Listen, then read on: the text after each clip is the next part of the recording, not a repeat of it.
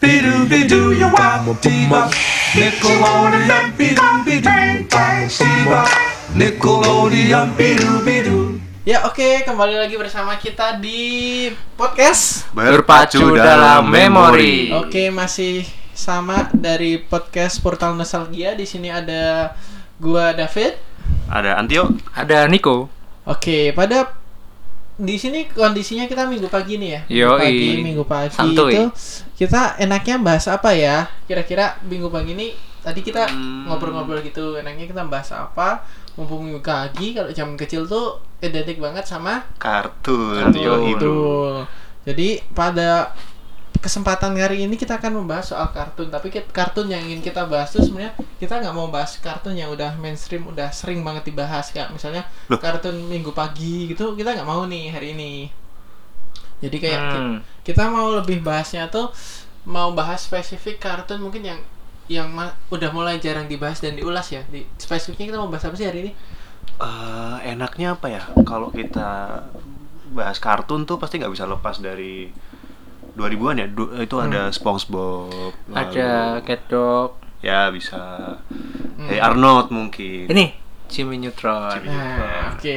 Jadi pada hari ini kita mau bahas spesifiknya di uh, kartunnya Nicktoons Nickelodeon. Nickelodeon. Iya, Ah, jadi kan mau Nickelodeon. bahas Nickelodeon karena kita rasa ini sebenarnya ini sabi nih tapi udah jarang dibahas karena orang sekarang bahasnya paling kayak Inuyasha terus masih uh, Dragon Ball, Doraemon. Tsubasa, Doraemon itu ya udah terlalu sering lah kita mau Iya. bahasnya lebih lebih spesifik Nickelodeon tapi kita akan membahasnya dari sisi yang berbeda nih. Kalau Apa biar- tuh Kak? Kalau boleh Nah, tahu tuh. kita sisi berbeda nih kita akan membahas. Kita di sini sudah menghadirkan pakar-pakar kartun Nickelodeon. Siap Di sini pakar. Yuve Niko Wicaksono dan Pakar. Baskara Dwi Harnantio alias Antio. Mereka Terbeban saya. adalah pakarnya Nickelodeon. Jadi Saya- kita akan membahas 10 fakta, 11, 12, 15 fakta yang wow bikin kamu tercengang ketika mengetahui fakta di balik kartun Nickelodeon ini. Jadi Yang- kita nggak akan bahas wah kartun ini seru. Nggak tapi di sini kita akan bahas fakta-fakta menarik dan wow. Nomor 10 bikin kamu wow.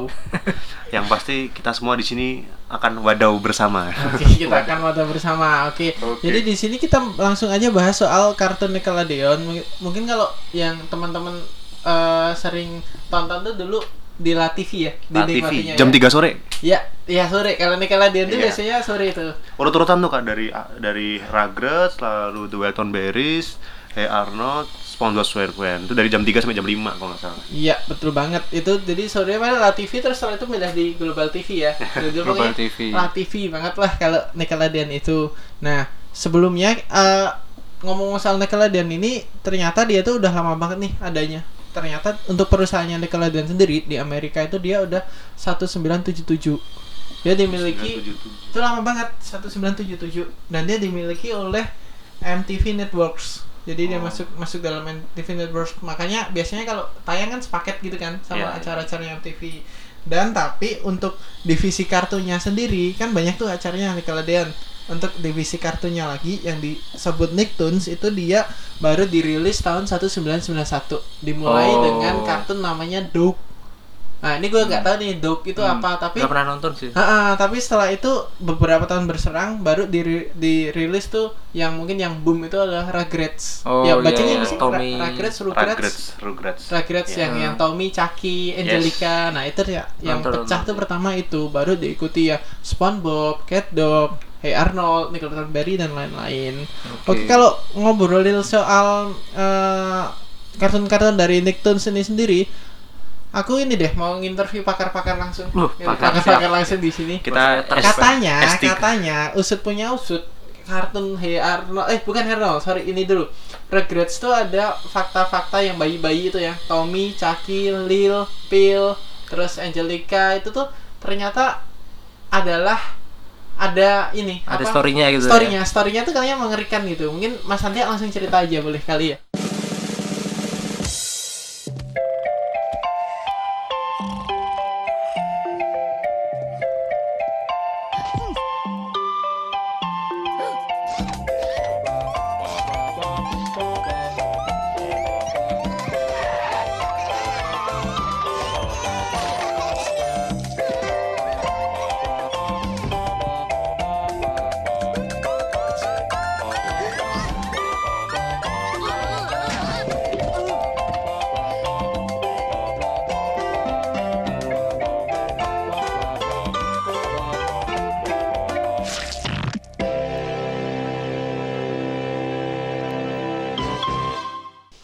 Mungkin ceritain dikit kali ya karakternya siapa-siapa Oke. aja kayak Ah. gimana gimana. Ya, saya eh, Antio S3 di Universitas Nickelodeon.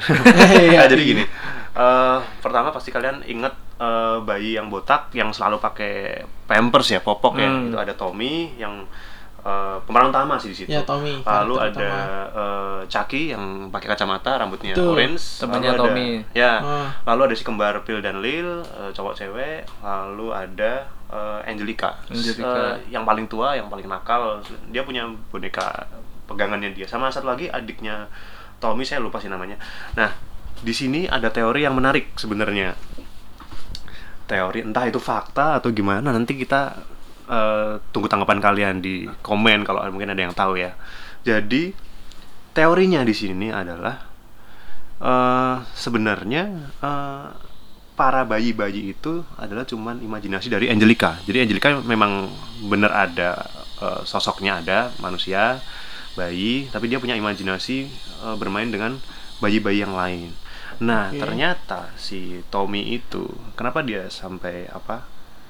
Sampai episode berapa dia masih pakai pampers eh, pampers terus sedangkan yang lain yang enggak. Itu dia karena eh, begitu lahir eh, dia meninggal atau gagal dilahirkan istilahnya. Jadi itu mengapa sebabnya Stu ayahnya Tommy dia terus menerus di ruang bawah tanah eh, ngebikin bikin Sibuk mainan, sih dia dulu. Iya, Iya, sibuk, sibuk banget ya kan. sibuk ngebikin mainan untuk anaknya yang tidak pernah memiliki kesempatan untuk hidup. Hmm. Jadi entah mungkin ayahnya sedih atau gimana dia tetap eh, berkutat di bawah tanah. Lalu Chucky, Chucky itu meninggal pada Itu yang pakai kacamata ya, Ya. yang cupu lah ya. Yang Ya, cupu. Chucky yang tadi pakai kacamata itu dia meninggal bersama ibunya. Itulah kenapa si Chas ayahnya Chucky itu kelihatannya gugup terus. Jadi kayak orang bingung gitu sel- selama Hmm. di eh, cerita. Jadi kayak dia tuh ada sesuatu yang ditutup-tutupin gitu. Lalu Phil dan Lil itu sebenarnya mereka eh, dia Yang suka makan serangga ya? Iya, Kembar suka makan serangga, dia suka makan iya. serangga, kotor-kotoran gitu ya. si kembar itu dia sebenarnya eh, diaborsi sebelum lahir. Jadi Hmm. Angelica nggak tahu dia itu sebenarnya cowok atau cewek sih si anak ini.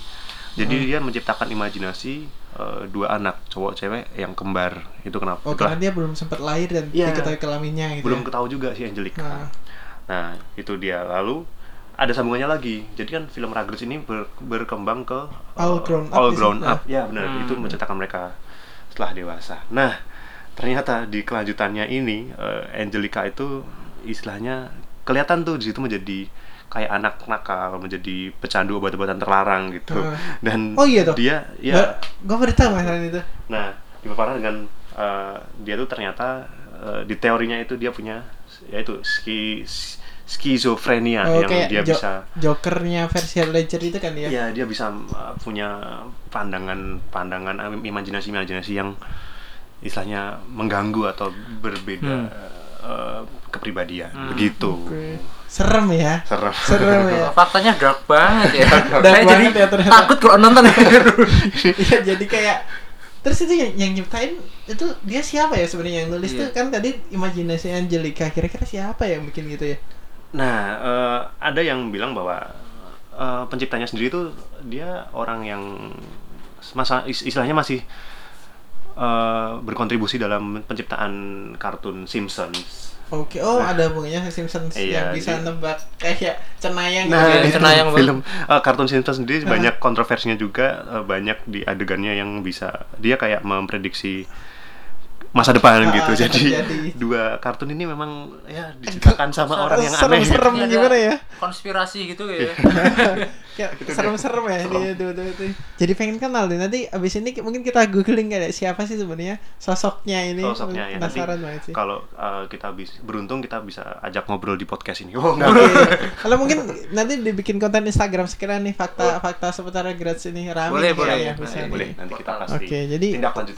Ternyata Regrets tuh sedark itu ya. Ya, begitu. Parah. Cuman ya baik lagi ini masih teori yang berkembang. Iya kan biasanya Ya, urban legend lah gitu. urban Urban legend ya. legend. Tapi urban Urban legend emang iya gimana? ya, Kadang jangan ditolak karena Hmm. enak aja buat Iya. seru aja kan buat terus Iya. dipelihara gitu. Yes. Oke gila ya, ternyata regrets. Mungkin selanjutnya eh, aku akan tanya ini pakar Nickelodeon selanjutnya. Mungkin di sini ada Mas Niko, mukanya kayak Crimson Chin. dari tokoh di Very Odd Parents. Mas Niko mau eh, cerita dulu tentang fakta di Very Odd Parents atau tentang ini dulu, Chuck Zone atau apa dulu?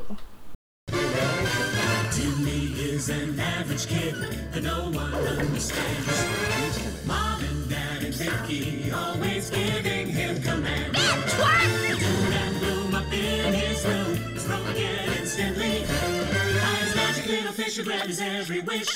Cause in reality, they are his odd parents. They're odd parents. Wands and wings, floaty crowny things. Odd parents, they're odd parents. Really odd people, love, odd, odd, odd. Juice, rubber goose, green rose, guava juice, giant snake, birthday cake, large rice, chocolate shake. Odd parents, they're odd parents. You let your lip when you are a kid with fairly odd parents. Yeah, right. Ya, mungkin eh, kalau yang ku ceritain nggak sedak si Iya, Antio tadi ya, Rugrats saja. Dia emang sukanya ngulik-ngulik serem yang banget ya. gitu emang orangnya. Tapi emang saya ngulik juga gak ada yang fakta sedak itu sih.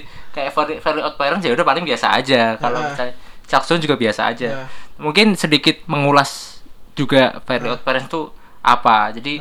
Very Odd Parents tuh ya salah satu kartunnya Nickelodeon. Ceritanya tuh ada Timmy Turner. 2001 dia, 2001. Indonesia. Itu juga di La TV juga Ah, La sih. TV juga. Itu salah satu yang ikonik juga. Oke. Jadi ceritanya Timmy Turner itu ada ketemu Cosmo sama Wanda, perinya, orang tua peri dia. Nah, Oke. terus kalau misalnya dia ada kesulitan apa dibantu sama Cosmo sama Wanda. Emang orang tua aslinya nggak pernah bantu dia, dia, dia. Itu nggak nggak tahu tuh aneh-aneh banget tuh. Jadi ya. pemikirannya agak aneh. Heeh. Terus ada yang namanya Vicky tuh pengasuhnya. Oh iya iya. nah, itu Vicky tuh agak suka ngerepotin si si Timmy, makanya ada Cosmo sama Wanda untuk bantuin dia. Nah, di sini ada fakta menarik juga sih. Timmy Turner itu kan pak kalau nggak kalau teman-teman pada notice ya kan pakai topi pink. Nah, topi pink ini ya saya juga ngulik-ngulik sedikit sih. Itu ada ada ada ceritanya juga, Oh, tapi itu ada, penting nggak penting sih. Seru nggak? Seru nggak? nih? Nggak nggak Seru lagi ya? nggak se nggak seseru si Antio cerita sih. Jadi ini waktu itu ceritanya gini, Paris Hilton tuh nge-tweet Paris Hilton. Oh, Paris Hilton nge-tweet. ya. Terusnya gini, tell me something I don't know. Oke, Oh, udah. di twitternya Di Paris twitternya Hilton. dia. Terus ada Butch Hartman, kreatornya si, Si- Fairly Odd Parents, Hah? si Timmy Turner. Dia ngebales dong. In Fairly Odd Parents, di Fairly Odd Parents, Timmy Turner's head, Hah? topinya Timmy Turner itu warnanya pink. Kenapa? Kenapa coba? Eh, ada, Ada- filosofinya. ada filosofinya, nggak penting, Sabi. Feminis. Karena aku kehabisan tinta warna biru. Oke. Nggak penting ya. Jadi sebenarnya dulu tuh warnanya biru pengennya. Oke. Ini antara bener apa enggak? Tapi dia twitternya bener nih, nge-tweet bener. Jadi dilanjutin tuh. Karena oke, jadi oke, oke teman-teman, jadi Timmy Turner kenapa pink? Jadi sebenarnya karena tintanya habis. Dia sebenarnya kreatornya ingin membawa warnanya biru. Itu nggak penting kan? Iya, nggak penting sih. Nggak penting. Tapi ceritanya tuh bagus loh, Timmy Turner dan kawan-kawan itu. Ada pahlawan kayak Crimson Chin. Yang dagunya panjang. Ya, itu jadi pahlawan gede merah, dagunya panjang. Nah, itu nggak tahu itu kena, kenapa ikonik banget. Kalian kalau googling tuh ya. Apa Crimson Chin itu langsung keluar tuh. Pahlawan banget tuh. Mirip Mas Niko nih. Tapi bener teman-teman nih kok teman-teman ketemu sosoknya Mas Niko sebenarnya dia mukanya kayak Crimson Chin yang dagunya Gede. panjang banget nih. Berotot. Oke, tapi ini ceritanya kayak ini ya bidadarinya Bom Bom Lala ya. Bom Bom dan Iya? Lala. Maksudnya kayak kayak Bom Lala, Orang tua Lala peri Marsanda yang kan dia punya orang tua peri gitu ya. Tapi orang tua perinya si Marsanda itu dia orang tua beneran yang udah meninggal atau orang tua gimana sih? Ibu peri yang cantik banget itu dia? kan. Heeh, iya. Wah, itu kayaknya perlu kita kulik lagi nih. Nanti Itu- kita hadirkan di episode terbaru Oh, kita oh, kali ya. Mungkin itu kita bahas juga sama Del Dulce Maria. Wah, iya. Iya, Dulce Asik, Maria kan juga sama kan Carita the Angel dia punya bener-bener. orang tua peri. Hmm, pokoknya kan? stay tune terus lah di Ya, podcast kita. setuju. Bisa tuh kita kita bahas tuh sosok-sosok karakter 2000-an yang berorang tua peri. Weh. Sabi itu. Banyak ya? Sabi itu. Kayak Oke. banyak semua? Oke, kalau Odd Parent jadi gitu ya ceritanya Mm-mm. intinya dia dan ketemu ini gak sih kayak dia tokoh-tokoh dunia lain gitu musuh-musuhnya. Jadi musuhnya tuh kalau Fairly Odd Parents tuh ada yang profesor di profesor profesornya Timmy Turner yang selalu ngasih nilai F. Ingat gak sih? oh iya iya iya iya. Dia, dia selalu F gitu nilainya. Apa sih aneh banget kenapa? Rese banget gak sih kalau dapat dosen kayak gini? Iya, Rese, killer rese banget sih. Rese banget. Terus terus ada kalau ini ada karakter lain sih karakternya di peri di toko perinya ada pemimpin para peri badannya gede pakai tongkat peri, tongkat oke, bintang tongkat Oke, bin- siap. tongkat bintang namanya Jorgen von Strangle Oh, jadi semuanya kalah sama dia Eh, nah, pokoknya itulah keren Dilihat dari namanya ini pasti orang Persia. Enggak, ini Belanda kayaknya. Tapi yang se seingatku tuh Wanda Cosmo tuh dia jadi ikan nggak sih biasanya? ya Iya kan? jadi ngumpetnya jadi ikan Ngumpetnya jadi ikan.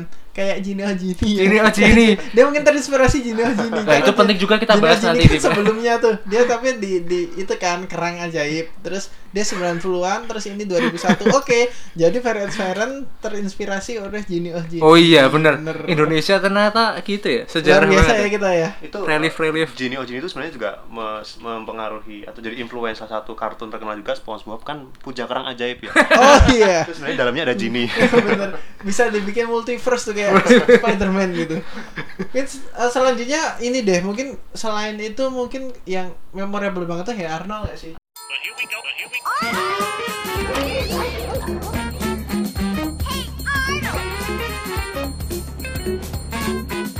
Arnold!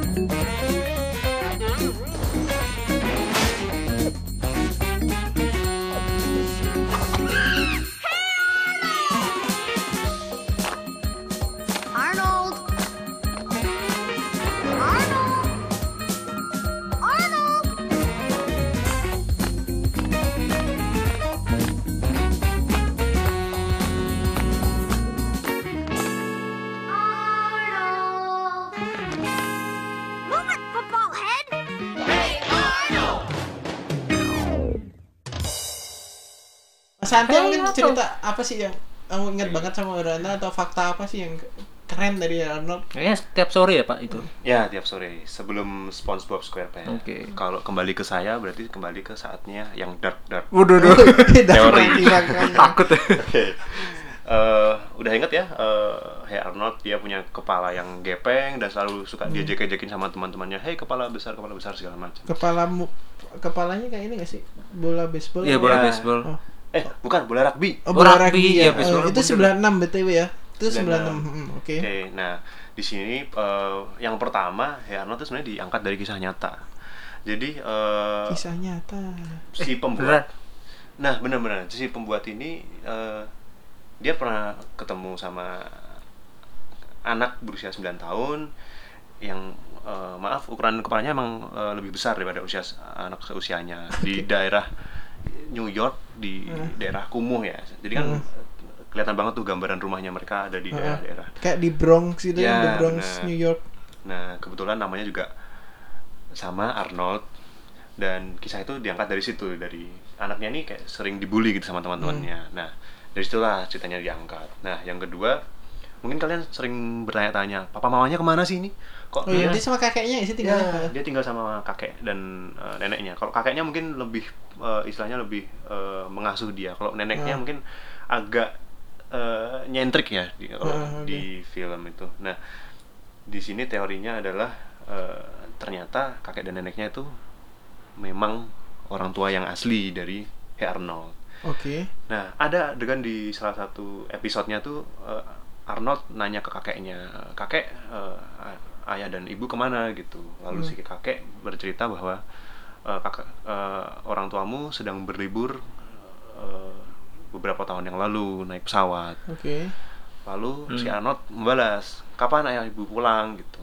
Hmm. Dan si kakek pun menjawab, "Eh, mungkin eh, tidak selamanya karena pesawatnya tidak pernah ditemukan. Nah di situ kita eh, bisa berspekulasi bahwa orang tuanya mungkin kecelakaan atau Oke. ada suatu hal yang buruk yang terjadi. Nah tapi di sini eh, ternyata eh, ada yang membantah eh, teori itu dan wih, banyak ya teorinya. ya dan kok bisa dan Kepikiran. ternyata Ini udah yang- ikut empati nih Kak gitu. dan ternyata eh, banyak yang percaya bahwa kakek neneknya adalah sebenarnya yang melahirkan Arnold di usia tua jadi jadi Oh. Arnoldnya lahir dari orang tua yang udah, udah berumur maka Malu gitu. Arnoldnya dia lahir dengan kondisi yang eh, maaf tidak sempurna oh. gitu nah itu berhubungan dengan eh, kepala yang ukurannya besar dan eh, sebenarnya nama Arnold sendiri itu eh, diambil dari salah satu jenis penyakit hidrosefalus Oke. yaitu Arnold Chiari syndrome. Wih. Jadi memang Ya. ada nama Arnold di situ. Istilahnya eh, penyakit hidro- hidrosefalus, eh, maaf pembesar- pembesaran kepala gitu. Hmm.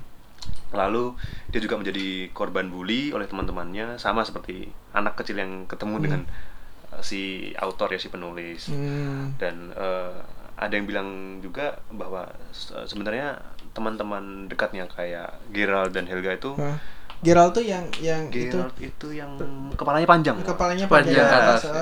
Helga yang cewek ya Yang cewek yang Yang suka sama Arnold diam-diam suka. Oh. Iya. Eh, itu sebenarnya teman khayalan. Cuman saya oh agak teman imajinasi ya saya sih agak agak nggak percaya kalau untuk yang poin terakhir ini gitu Ma- masih belum Karena? ada banyak bukti sih yang mendukung sih siap. Iya, nah itu terus lalu kenapa itu Arnold juga istilahnya eh, episodenya sedikit sih dibanding dengan Rugrats atau Hmm. SpongeBob ya karena eh, kontroversi yang beredar dan si pe- penulisnya tidak mau ngasih tahu apa ya klarifikasi ke pihak Nickelodeon juga Hmm. ini cerita yang benar yang mana sih gitu Oke. oh cuman nih di balik banget ya di balik semua ini ada satu yang eh, istilahnya aku suka dari dari film Arnold sih apa tuh kamarnya pak oh iya yang ada Santuy banget. Indie rooftop- banget. rooftopnya eh yang eh, ini bukan bukan rooftopnya dinding atasnya tuh kaca Iya, gitu ya. Kaca. Jadi kalau- senja. kalau tidur malam tuh kelihatan bintang-bintang kalau sore Ah. kelihatan eh, langitnya Nah, dan itu kan bisa ada ada akses keluarnya langsung dari ya dalam kan. ada dan ada tombol yang bisa dipencet keluar sofa tuh dari Oh iya, dari iya, dinding merah, warna merah. Iya, benar. Gitu. High tech sekali ya. Iya, sekali. high-tech sekali Arnold ya. Oh ternyata Arnold serem ya di gitu ya ya. mungkin dia kalau ada award nih eh eh, kartun yang punya kamar terbaik ya mungkin Arnold menang. benar. Milenial sekali. Arnold benar setuju. iya gitu. Tapi kalau yang paling minimalis mungkin Patrick ya. dia, dia cuman batu, dibuka sofa dan TV. Kok bisa loh? Kok bisa ada? Iya gitu. Tapi ke- tapi kalau yang aku amatin malah kartun-kartun Nickelodeon ini dan nggak mungkin nggak cuma Nickelodeon doang ya mungkin banyak kartun ini yang bagusnya tuh adalah mereka nggak mengambil setting anak-anak yang hidup dalam keluarga ideal maksudnya kan Nah, benar. di dunia ini kan kebanyakan mungkin family itu kan ya banyak yang nggak ideal yang Hmm. ada masalahnya dan macam-macam Iya dan, benar-benar. dan apa ya jadi itu tidak membuat anak-anak kecil tuh kayak iri atau Iya, apa iya. gitu ya contohnya nih Arnold kayak orang tuanya nggak tahu gimana terus yang kayak tadi Rugrats, Tommy, Lil dan macam-macam kan juga karena orang tuanya ada yang ibunya udah nggak ada ada yang dibesarin dengan kakeknya dan mungkin itu banyak relate sama anak kecil kan jadi bahwa Iya, benar ya dunia tuh memang tidak baik-baik saja dan kita tuh bisa hidup oke gitu ya gitu apa sih ini dalam banget di gitu? dalam banget nih. Kebetulan Berat, berat, berat. ada Berat, riset berat, berat, riset berat. apa hidrosepalus Kayak Nar- apa. Naruto kan juga gitu kan dia Iya, hidupnya benar. sendiri Iya. tapi dia tetap kuat ya ya mungkin kartun ini mungkin perlu banyak ditayangin sih Iya, sebenarnya Sebenarnya kalau ini cerita aja, ya. waktu kecil kan mungkin kita tidak terlalu tidak selalu bersama dengan orang tua, orang tua Iya, sibuk ah. atau memang memang dalam keluarga yang tidak ideal dengan Betul. tidak dengan orang tua. Tapi kayak tayangan TV kita nonton kartun itu kayak jadi role model kita. Iya jadi sih, inspirasi asli. kita. Kita Ah. harus semangat. Naruto kan Ah. kayak ngajarin kita jadi inspirasi. Contohnya Ah. kayak gitu kan. Ah. Ya Patrick mengajarkan kita untuk ini adalah jalan Apa? hidup hidup sederhana hidup sederhana sederhana. Eh, Kayak gitu iya kali. sih ya jadi pengen nonton kartun lagi Iya, sih. nonton aja ya. Yuk nonton lagi habis ini oke mungkin selanjutnya Gitu. ini deh cerita lagi deh Mas Niko Yuk. cerita lagi dong Jimmy Neutron mungkin nih Jimmy Neutron belum kita bahas nih Got a blast!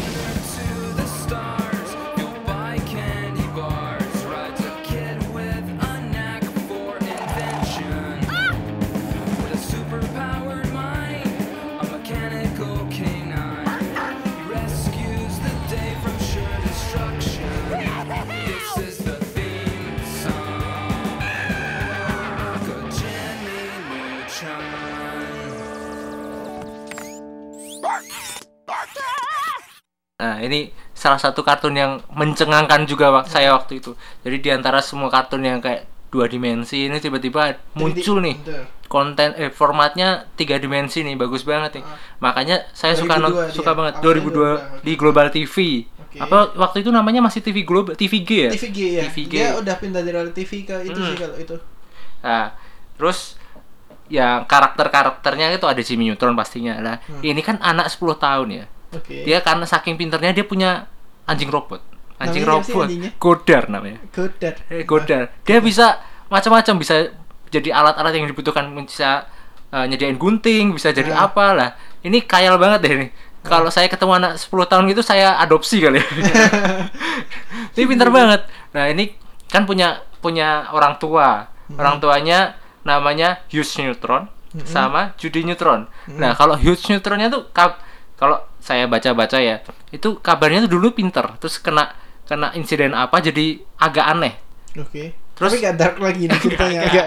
nggak sedak mas nggak sedak mas Santio lah pokoknya jadi dia tuh suka mainan sama bebek kalau kalian nonton tuh inget mereka eh, dia suka mainan sama bebek bebekan Heeh. terus dan pikirannya jalan jalan pikirannya tuh aneh beda sama ibunya ibunya kelihatan pinter Heeh. terus makanya anaknya jadi kayak gitu nah mungkin waktu Youth Neutronnya itu lagi pinter sama istrinya yang pinter itu eh, punya anak. Makanya jadi Jimmy Seperti Neutron yang pinter banget.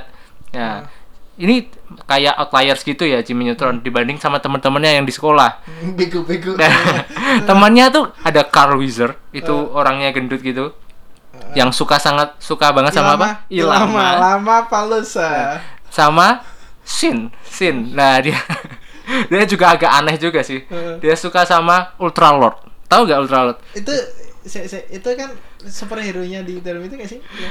Ultra Lord tuh kayak ada robot ada mainan gitu warnanya ungu nah Ultra Lord. Ultra Lord nah terus dia pernah kayak mimpi gitu Ultra Lord tuh jadi kenyataan jadi gede itu nah, Heeh. nah itu impiannya aneh juga nah mungkin dark side bukan dark side ya tapi cerita anehnya juga sih Heeh. si Carl Wieser itu kan umurnya 10 tahun Oke. kalau lihat ibunya si Jimmy Neutron suka dia membayangkan. Jadi dia punya fantasi pada ibunya punya Neutron. iya benar. Coba deh ada Ini episode kecil- yang kecil-kecil. dia suka eh beneran beneran. Coba cek deh. Jimmy gak marah Kulik deh. Ini dark- tahu cerita Ini dark lagi. Ini dark lagi. ini apa ya? Tapi aku juga gak ngulik apakah ada cerita beneran atau Ah. cuma iseng-isengnya kreator aja. Ini agak aneh juga nih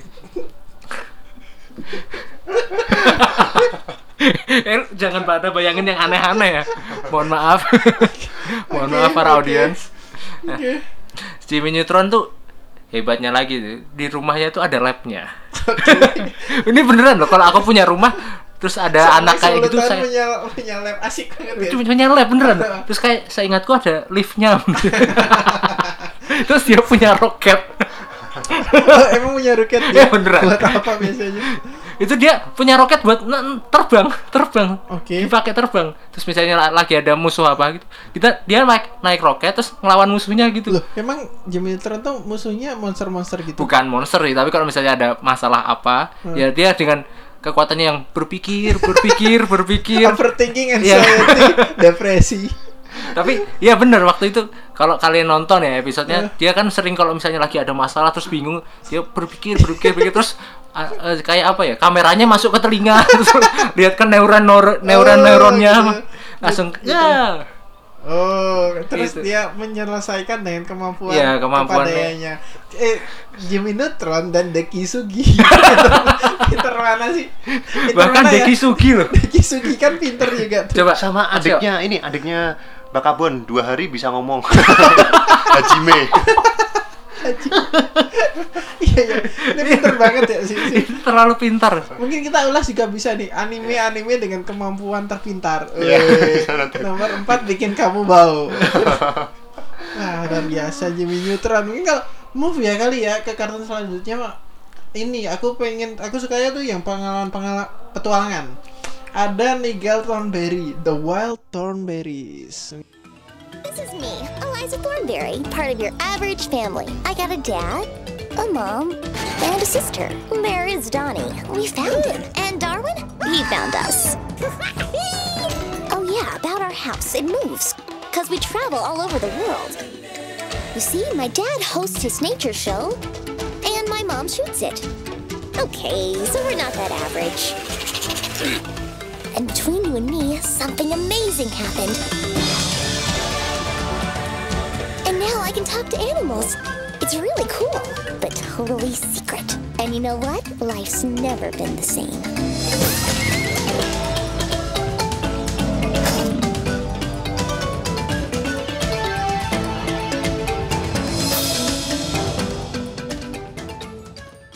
Ada fakta nggak Mas Ade yang ini kayak dark lagi nih enggak enggak, kalau saat ini enggak. Eh, ingat dulu ada apa eh, satu keluarga dia pecinta alam lalu si anak cewek ini anaknya dia bisa berkomunikasi dengan Hewan. hewan Waduh. Sama lele gitu dia bisa. lele tapi dia punya adik punya adik yang eh, agak ini ya Namanya agak- Elisa nggak? Tahu Ya, namanya Elisa. Elisa. dia punya adik yang agak mirip Tarsan ya kalau Mirip. Tarzan. Oh iya, itu adik kan sih? Anaknya adiknya mirip Tarzan. Oh, oh iya iya iya, ini ini baru tak googling nih. Oh iya. Aneh banget ya. Eh, itu itu gak sih kandung atau Nah. adopsi? itu nanti saya harus flashback lagi Oh iya ada. Saya belum. Oke oke, mungkin diceritakan dulu nih keluarga Thornberry itu terdiri dari siapa saja. jadi eh, sang ayah yang eh, ciri-cirinya sih maaf kita ngomongin fisik ya hidungnya gede Nigel ya, ya Pak itu Nigel. kelihatan banget Terus lalu si eh, mamanya mamanya itu gimana? Mariana namanya. ya lalu ada kalau salah ada kakaknya ya Kakaknya iya namanya Debbie. Nah itu Dia pakai flanel flanel kaos kayak Kurt Cobain Kurt Cobain gitu. Jadi kan Iya. 90-an dia. ya dia agak orang ya anaknya ada Arsi ada indie. arsi indie kayak mager suka Iya, mengeluh iya. gitu lah Anak gigs. Ya, iya. nah lalu ada Elisa dan adiknya sih siapa ya Doni namanya Doni. Doni ya Doni oke. ya Iya. Tarzan. Oke lalu eh, mungkin eh, kita tadi udah kulik-kulik eh, mungkin nggak ada fakta yang teori-teori yang serem gitu ya Oh, iya. Cuman ini ada eh, satu kisah dia ternyata ada keluar keluarga kayak gitu benar-benar ada gitu. Jadi Oke. pasangan Chris dan Donna Jackson dari Hertford Hertfordshire Hmm. itu mereka eh, dia punya anak dua anak dia eh, menarik anaknya dari sekolah dari jadi dikeluarin dari sekolah dia Oke. lalu mereka menjual semua barang-barang yang dimiliki dan uang yang dikumpulkan itu digunakan untuk benar-benar per- eh, pergi ke alam dan ke keliling dunia bersama anak Pakai mobil van Oke. juga. ya jadi bener-bener mereka menjauh dari eh, istilahnya kehidupan manusia Duniawi gitu. gitu. ya duniawi dia bener-bener mencari Duniawi. mencari pengalaman Ya. pengalaman yang eh, di alam tuh bagaimana hidup di alam Hmm, tuh gimana sih dan eh, jatuhnya dia banyak ini sih kegiatan-kegiatan sosial di masyarakat-masyarakat yang Nat Kayak Geo tertinggal Life gitu banget ya, Geo Life. contoh nyatanya ada nih gitu jadi Hmm. itu Into the Wild. Ya mir- kalau kalian Hmm. tahu film Into the Wild itu ada seorang anak yang dia memang menjauh dari kehidupan Hmm. manusia normal Dan itu, itu ke- nyata juga kan kalau di Ada, Into the Wild iya. kan si itu Alexander Supertramp diceritain kayak ada orang nih orang Amerika Hmm. mahasiswa dia pinter akademis Iya. atlet juga bagus tapi ketika dia mau masuk dunia kerja dia jual tuh semuanya karena Oh. dia wah fuck lah itu kehidupan Oke. mainstream gitu terus akhirnya dia dia ke Alaska survive gimana caranya survive untuk survive sendiri gitu Hmm, lah intinya di alam liar sendiri literally sendiri dia naik kapal terus nebeng-nebeng dan macam-macam pada akhirnya tuh dia meninggal ya meninggalnya Iya. karena keracunan makanan Wah. ya benar tanaman gitu Wah. Ya, itu Jadi- pecah banget sih ya jadi di Isinya. zaman sekarang pun ada gitu contohnya Hmm. yang mereka benar-benar eh, orangnya itu eh, istilahnya menyatu dengan alam banget gitu Hmm. nggak setengah-setengah jadi benar-benar hidupnya untuk Back to nature ya. Iya, back to kayak nature. Harvest Moon gitu. Iya, Harvest tapi Walton Berries nih ini gak sih kayak Nat Geo banget gak sih kayak Iya. dulu kan Iya, iya, bagus bagus. dia ditayangkan bareng zaman dulu Discovery Channel itu kan Hmm. banyak ditayangkan kan mungkin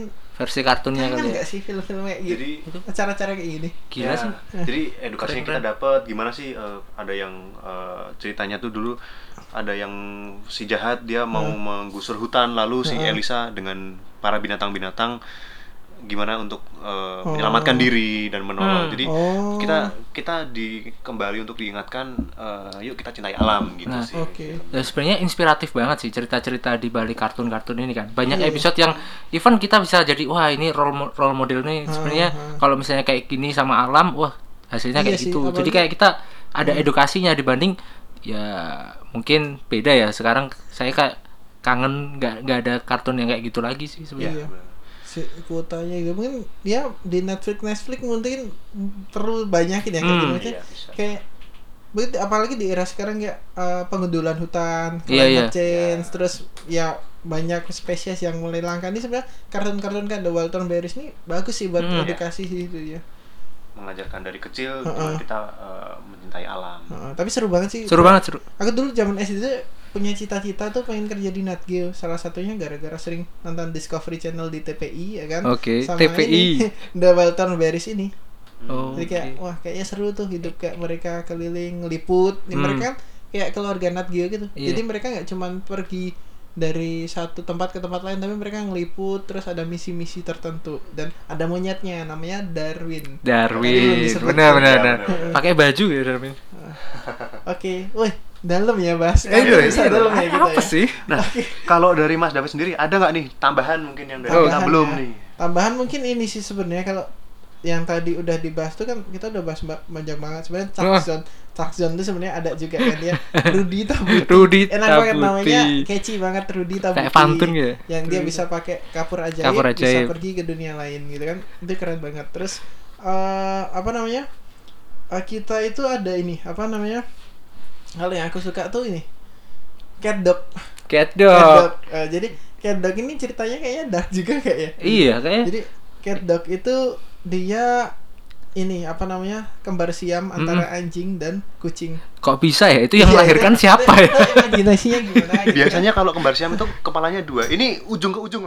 Ah, iya, jadi mau ngapa-ngapain susah gitu.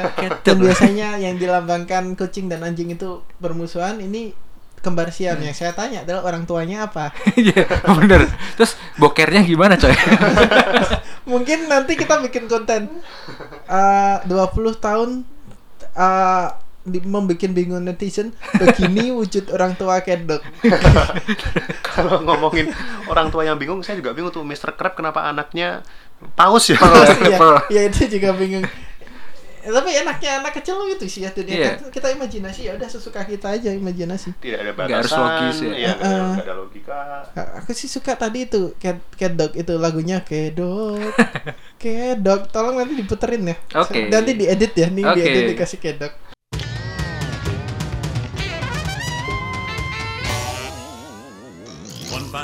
woof and a purr, a baby was born and it caused a little stir. No blue buzzard, no three-eyed frog, just a feline canine little cat dog. Cat dog, cat dog. Alone in the world was a little cat dog. Out on the road or back in town, all kind of critters looking cat dog down. Gotta rise above it, gotta try to get along. Gotta walk together, gotta sing this song. Cat dog, cat dog. Alone in the world was a little cat dog. Cat dog, cat dog. Alone in the world was a little cat dog.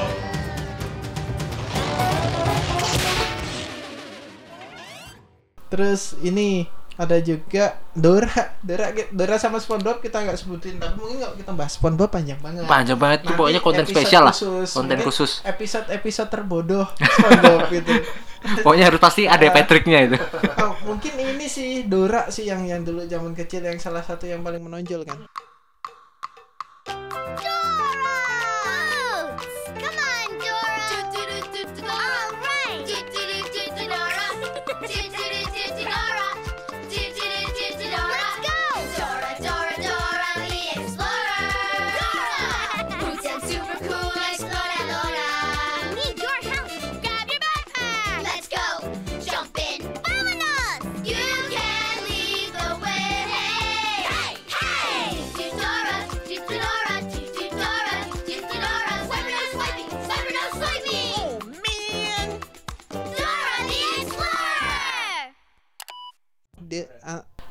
Antv ya dulu ya kalau Dora. Dora Antv Antv. Nah, tapi sempat pindah-pindah juga sih Iya sih dia pindah-pindah. Jadi Dora itu itu juga petualangan temanya Petualangan. seru. Nah, itu untuk dari edukasi menurut keren sih. Maksudnya keren kayak- keren ada bahasa Spanyol Iya, ada terus gitu. dia ngajarin untuk kita berpetualang dalam Mm-mm. sehari ya, ya nggak ekstrim banget tapi yang ngajakin anak kecil tuh untuk mau ke dunia luar, Iya. mau ngapain, terus pakai peta ya kan, pakai peta lagunya. siap Ini tolong nanti diedit ya habis ini. ya kita kasih lagunya peta peta gitu. Jadi Ransel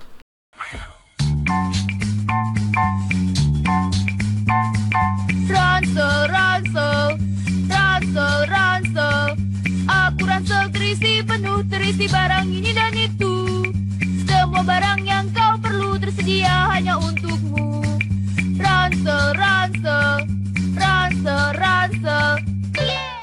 dia itu ini ya Amerika Selatan ya. Amerika. Selatan. Dan kemarin ada ini juga apa filmnya versi Iya. filmnya cakep ya Dora movie cakep cakep, cakep ya cewek Enak. Isabella Moner gitu Iya. oke terus Versi kekinian itu. versi kekiniannya dan do, kalau ngomongin soal Dora mungkin yang akan terngiang-ngiang itu adalah sosok-sosok orang ah hewan-hewan yang ada di Dora ayo coba sebutin satu-satu Saya. Siapa? Saya Benny si sapi.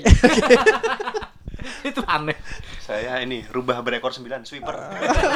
ya super ya. jangan mencuri terus Jangan ada mencuri. ini Tiko si tupai Tiko si tupai. Lisa si iguana Iya si iguana. bentar, bentar, bentar, bentar. Googling dulu nih, bentar, bentar nih, googling dulu nih. Ada nih tadi udah buka nih. Dora itu tokohnya ada Boots, ya kan? Boots, pasti ada. Boots. Boots. Oh, tapi ini ada fakta mencengangkan nih. Waduh, duh. apa tuh? Ternyata Boots itu adalah anak kandungnya orang tuanya Dora. Oh, kenapa kenapa monyet? Enggak, enggak. Kenapa monyet? Enggak, ini enggak sedark itu. Tidak, tidak.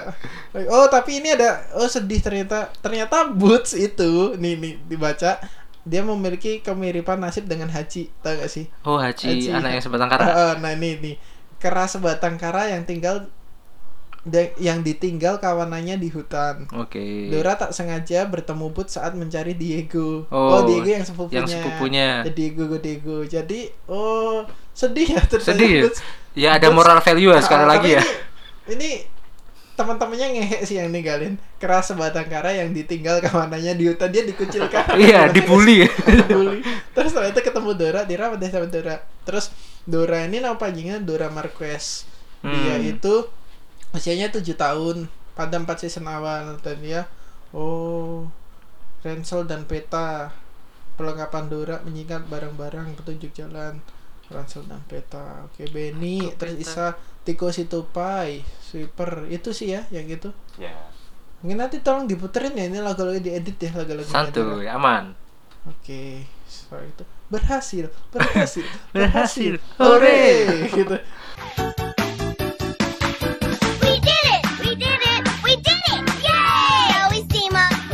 Tapi yang ngeselin Dora tuh mungkin ya itu kan buat anak-anak ya. Kalau bener. orang gede yang itu tuh, apakah kamu melihatnya?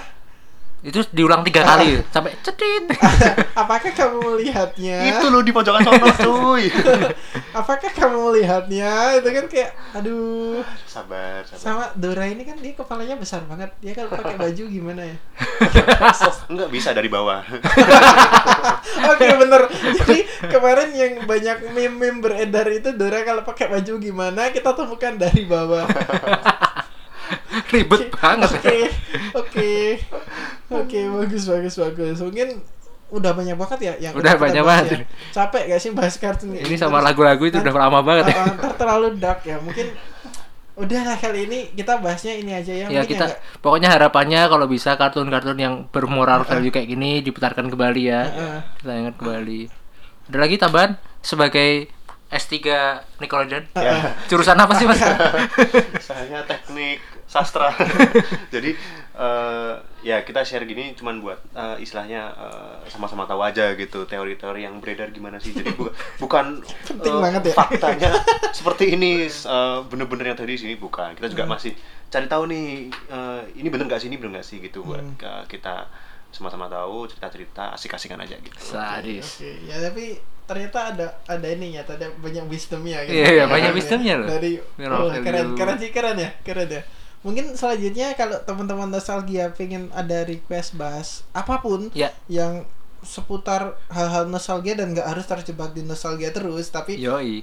misalnya kabar siapa sekarang atau kabar apa gitu bo- boleh banget sih kita open banget mau diskusi apa bisa kasih komen di itu ya di Instagram ya kita belum Instagram. bikin Instagram sih ya Nanti- Pokoknya nanti kita umumkan lah ya. Ah, kita umumkan lah mungkin nanti bisa komen-komen gitu mau request apa itu bisa mungkin bisa tadi uh, kisah tokoh-tokoh Hmm. kartun yang hidup sebatang kara gitu atau misalnya uh, fakta Lala itu dan Lala itu Dulce Maria Dulce Maria. begini nasibnya sekarang ya Iya. itu boleh banget mungkin untuk minggu ini kita tutup aja kali ya Udah, Ah. boleh? Oke. Oke. Nah, jangan lupa follow kita di Instagram kita di portal nostalgia Underscore, underscore jangan lupa. pakai underscore ya Ya. Karena yang nggak pakai underscore udah diambil orang terus terus sama ini nanti podcast kita jangan lupa sering denger dengerin kita sih rencana mau seminggu sekali upload sih gitu ya ya Oke, semoga ya. bisa ya Gitu. Oke, sekian eh, aku David. Aku Antio. Aku Niko. Kita sampai jumpa kembali eh, bersama di podcast Pacu Berpacu dalam dalam memori.